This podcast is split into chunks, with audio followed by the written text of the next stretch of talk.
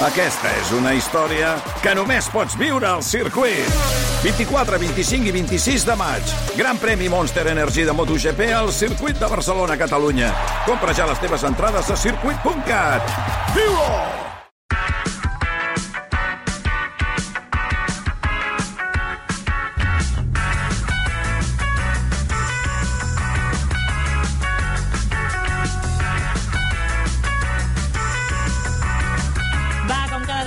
Aquesta hora, comencem el No s'ha parlat prou. Candela Figueres, bona nit. Molt bona nit. Anna Priscila Magrinyà, com estàs? Bona nit. Ai, m'ha sortit una mica així algun Va. nom, eh? Bé, bé, bé, Anna molt bé. Priscila Magrinyà, com estàs? Avui has de dir bé el cognom Magrinyà, perquè és l'aniversari de mon pare, que em fa Home! 70, i des Per d'aquí molts anys. felicito l'Angelbert Magrinyà, felicitats, papa, i Això gràcies del, per del nom aguantar-me. del teu pare i del teu germà n'haurem de parlar un altre I dia, del meu eh? nebot gran. Del, també.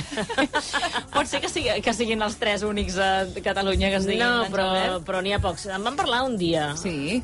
Ai, però no s'ha parlat prou, no? Sí, però és que... Però jo no hi era. Potser era amb el Tormos, Sí. clar, Ah, potser era amb el Tormos. dic, jo no hi sí, era aquest sí, dia, sí, sí, sí. Dic, Jo estic vivint en un, un bucle, però no passa res, li segueixo la corda. No hi era, no hi era. No hi eres, no hi eres. No hi era no pateixis, uh, Bé, reciclaré el guió. malament, ja està. No, home, no. No, escolta, no escoltes el programa quan no hi ets. Eh, mira, us vaig, escol vaig escoltar la Candela parlant dels enxanetes, però la teva secció no me'n Oh. recordava. Em sap Ho greu. sento, Ana Pri, No, no, escolta a mi.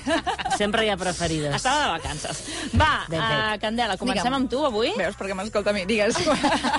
sí. De què, de què no s'ha parlat De prou? lo manipulats que arribem a estar quan entrem a comprar en un supermercat. La setmana passada, que la setmana passada no hi éreu i us vaig explicar la teoria del carretó de Fa supermercat. dues setmanes no hi érem, Això. que estàvem malaltes La- totes dues. Fa dues setmanes. Dic la setmana passada perquè volia dir l'última secció, Sí. no? Però us vaig explicar la teoria del supermercat que consistia en que tu sabies si una persona era bona o era dolenta per viure en societat si tornava al carretó o no tornava al carretó de la compra en el seu lloc. Sí, vaig escoltar aquest dia. Estava I malalta, però vaig escoltar. I aleshores, clar, a mi, a, en aquell moment vaig pensar, ostres, què més amaguen els supermercats? Perquè són una font de... I atenció, perquè he descobert que els súpers són una trampa mortal pels consumidors, perquè des del moment mateix que entrem per la porta estan fets eh, i pensats i plens d'estratègies per, estratègies perquè ens gastem completament la nòmina, mm. que també ara mateix és fàcil, perquè amb el car que Sí. està tot, vull dir... Eh, tu Compres una tot. bossa de patates i has de demanar un crèdit, Un crèdit. eh? Quasi bé. I tant. Per començar, tema carretó. Hi ha molt més intríngulis del que es penseu, perquè mai van rectes. Mm. Jo sempre pensava que no anaven rectes, perquè era jo, que era incapaç de fer-los anar recte. No. quan Estan trucats Està tot tots. estudiat. Sí, perquè com les escopetes de fira, que estan totes trucades, doncs totes perquè se'n vagin cap, a, cap al passadís, cap, al, cap a les estanteries, bàsicament, i acabis comprant un producte mm, que accident, acc- accidentalment et cau dins del carretó. Mira, avui al matí he anat a comprar al supermercat hi ha hagut un moment que he pensat, si algú m'està veient, perquè estava fent uns girs així com perquè el carro no em xoqués contra unes estanteries, estava jo fent contrapès amb el carro que dic... És "Mare meva, complicadíssim." si algú m'està mirant, deu pensar aquesta nòvia què fa. és que has pillat el carretó més, més, més trucat de tot el súper. Però és que, a més, uh, per norma, tu ets esquerrana o dretana? Dretana. Perquè, per norma general, els carros giren cap a la dreta. Mm. Perquè, com que giren cap a la dreta, xoquen cap a l'estanteria de la dreta i si pilles alguna cosa, acostumem a agafar les coses que volem comprar amb la mà que som Dreta, sí, esquerrans o dretans, no? També són molt més fondos que eren fa uns anys, perquè tinguis la sensació que entres al súper i que dius, ostres, no he aprofitat la compra, he de comprar més, que només marxo amb dues Això és veritat. coses. Això, això a mi em passa. Que dius... No, dius, Però això ai, depèn de ara he quin- vingut per comprar tres coses, home, ja que hi soc, doncs Aprofito. mira... Ai, Ah, però això és aprofitar el temps. No, no, perquè tu no anaves a comprar més coses. En realitat tu anaves a comprar dues coses i dius, com que surten poques coses, doncs compres. Més coses. Les rodes fan de molt soroll. No passa que a vegades agafar un carretó i dius, per què fan tant de soroll les rodes? Perquè tinguis la sensació que vas molt ràpid pel súper, que t'estàs perdent coses i frenis. és veritat. Això ja és Que donar-li tinguis FOMO, dos eh? toms, Fear eh? of missing out eh, al supermercat. M'he perdut.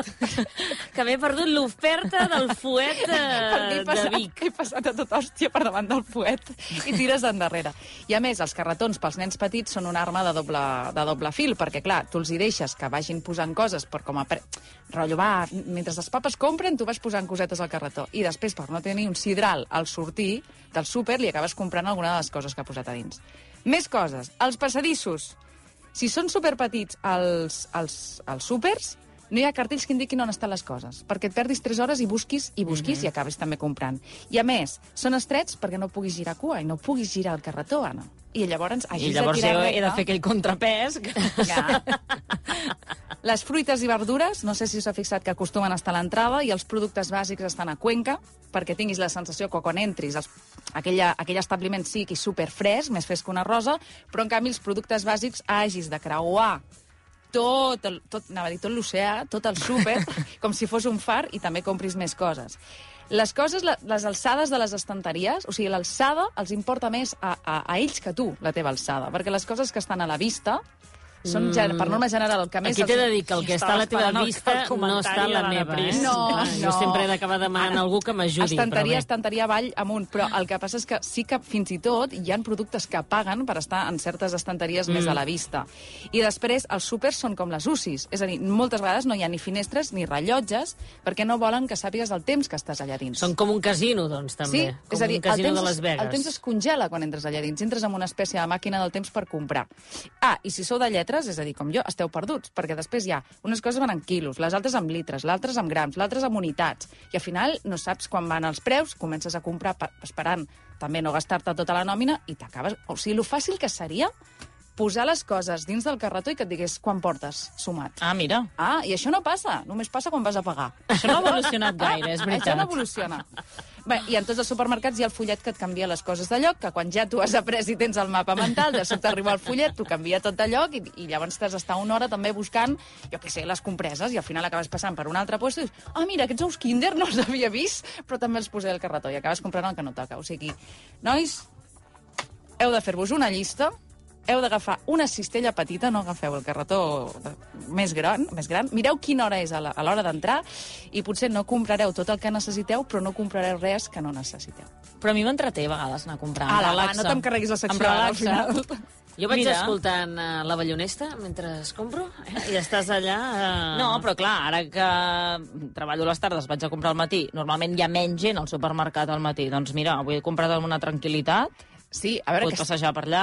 I si no, també pots anar al mercat, que També, allà vas també. tu amb el El teu és- carretó, és- és i ideal. el teu carretó, si està espatllat, és per culpa teva. I ja està. això és veritat. Ah.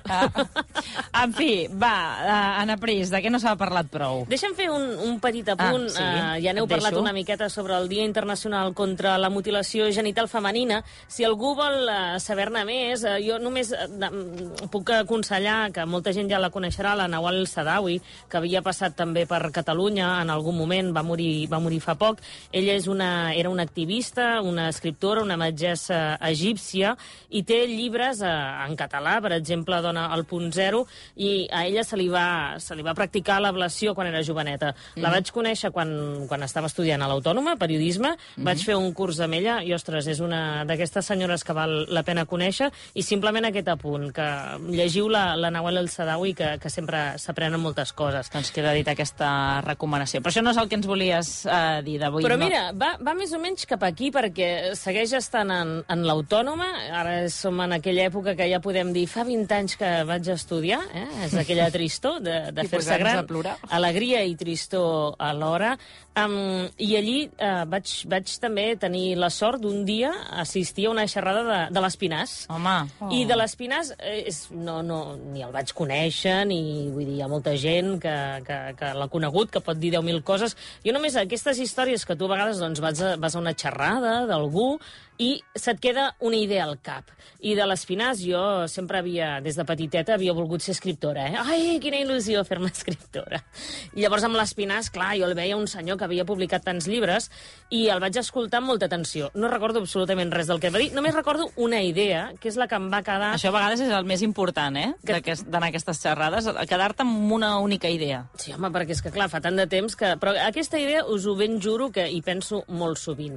És una idea que ha anat mutant amb els anys i ara mateix, si intento fer memòria, ja no recordo ben bé si parlava d'un familiar, si parlava doncs, d'algun jove que li demanava consell. El que recordo era com algú que li deia miri, senyor Espinàs, jo el que vull és escriure, però no tinc el lloc on escriure. Jo necessito, i en el meu imaginari eh, mm, consta que va dir una illa balear, potser era un altre lloc. Jo necessitaria, imaginem-nos que va dir a Eivissa, per anar a escriure a Eivissa i estar tranquil·la a Eivissa, i jo, si puc anar a Eivissa i algú em paga eh, estar a Eivissa, jo podré escriure i fer la meva gran obra. I l'Espinàs va respondre, mira, si necessites anar a Eivissa per escriure, és que no escriuràs mai. Aquí, que la gent no em malinterpreti, eh, tothom necessita aquella habitació pròpia de la que parla Virginia Woolf. Evidentment, si tu et mors de gana, t'has de preocupar d'altres coses abans d'escriure. L'estrès del dia a dia ens complica molt la vida. Mm. També em fa pensar en Vilamates i eh, París no s'acaba nunca, un dels meus llibres fetiche d'en de, de, Vilamates, que viu aquí al costat, i si veu per RAC1, a vegades us el, Trobareu. us el trobeu per, per aquí a baix, que és la idea aquesta, eh, de l'escriptor que s'inicia en, en, en el món de l'escriptura i necessita aquell lloc on anar. Si no, no pots fer això. I tots et donen el mateix consell. Si ho vols fer, fes-ho. fes-ho. I aquí eh, penso sempre en l'Espinàs, que a vegades busquem, jo en els meus moments de joventut, de, és que no puc escriure perquè no tinc l'ordinador correcte. excuses, no, aquelles? És que no puc escriure perquè és que el temps és cert, eh, això, vull dir, perquè si no tothom podria escriure i podria fer-ho absolutament tot. Però és que no, resulta que no tinc aquella eina que si tingués un portàtil més bo me n'aniria a un bar, bla, bla, bla. I mira, han passat 20 anys i encara no he escrit cap novel·la. Recordo l'Espinàs com si fos ahir, va ser una, una gran xerrada, un senyor molt savi, i mira, cada vegada que, que penso jo volia ser escriptora, mm, penso en ell, i deixa'm només escoltar uns segons d'una Sí. cançó que sempre també la tinc molt present, no és per matxacar-me, però que m'agrada molt, que és del, del musical Gloops i que es diu Mediocritat. Mediocritat. Tan segur que estava jo de que el meu cas seria diferent. No sé si podeu reconèixer la veu que és del Ferran Renyer. Ah, sí?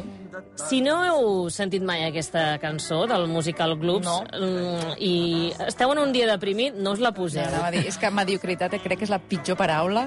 Però és, a, és en el que ens acabem trobant la majoria dels humans. No Sí. tots som grans artistes de Hollywood, no tots som grans escriptors que hem pogut publicar les nostres novel·les, i al final jo crec que, noies, tampoc passa res, perquè és que aquí no tothom pot ser artista. Assumir i la mediocritat a vegades ja és un èxit, eh? És un També. èxit meravellós i assumir-la, doncs, escolta'm, amb tota la normalitat del món. I per això també us volia portar aquesta mediocritat de, de Degoll de Goms, de, de Degoll de Gon, de Gloops, que és una de les meves cançons preferides.